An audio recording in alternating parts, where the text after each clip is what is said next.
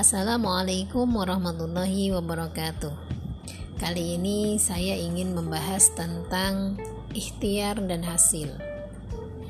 Uh, ikhtiar dan hasil ternyata bukan selalu hubungan sebab akibat. Mengapa bisa seperti itu? Uh, mungkin sudah tidak asing lagi ya pepatah rajin pangkal pandai hemat pangkal kaya ya pepatah zaman dulu ya ketahuan umurnya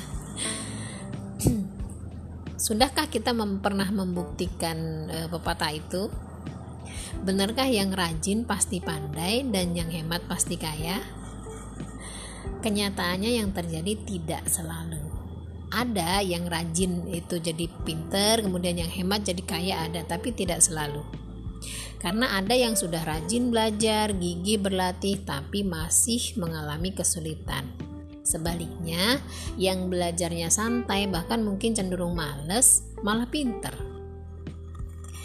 Kemudian, apakah yang bisa menghemat pasti kaya? Jawabannya juga sama, tidak selalu. Ada yang sudah hemat banget tapi nggak kaya-kaya. Ada yang boros hidupnya gitu ya, tetap aja uangnya banyak.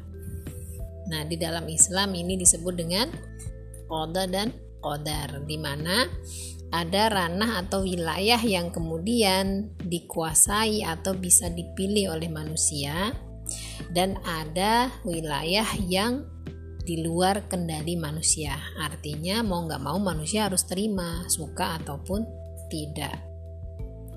Contoh nih belajar itu pilihan. Kita bisa memilih mau belajar atau nggak belajar. Normalnya memang yang belajar itu pasti jadi pinter tapi ada kalanya hasil juga tidak sesuai dengan harapan. Sudah belajar tapi masih mengalami kesulitan, itu wajar.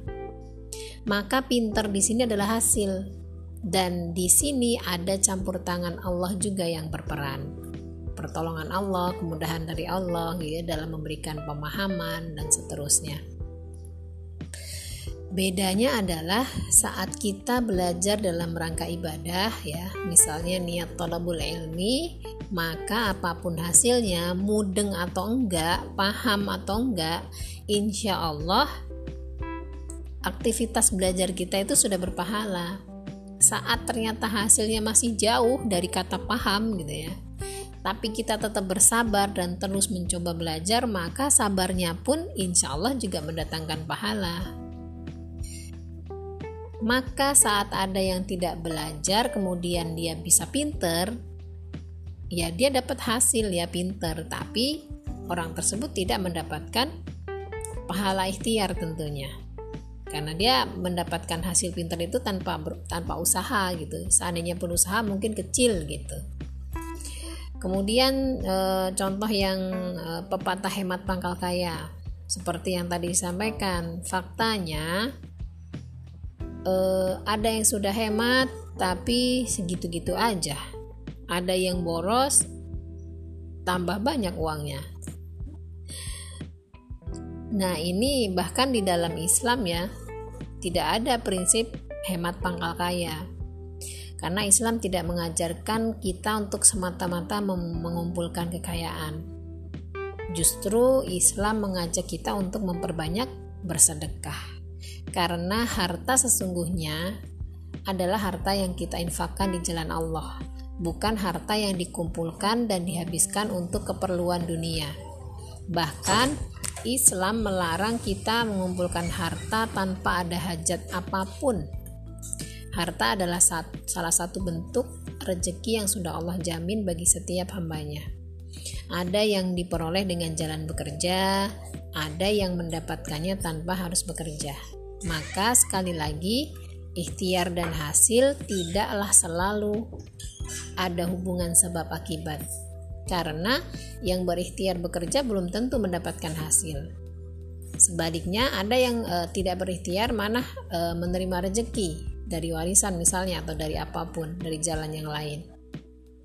Maka yang membedakan adalah bagi yang menjemput rezeki dengan jalan bekerja diiringi dengan niat ikhlas karena Allah dan tentu dengan cara-cara yang Allah ridhoi, maka berapapun hasil yang didapat e, bukanlah masalah karena dia sudah dipastikan mendapatkan pahala ya dari Allah Subhanahu wa taala.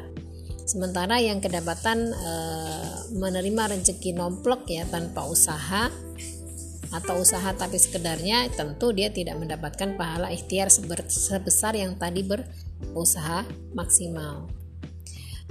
Yang menyamakan di antara keduanya adalah dua-duanya pasti akan dihisap dari mana harta tersebut didapatkan dan digunakan untuk apa.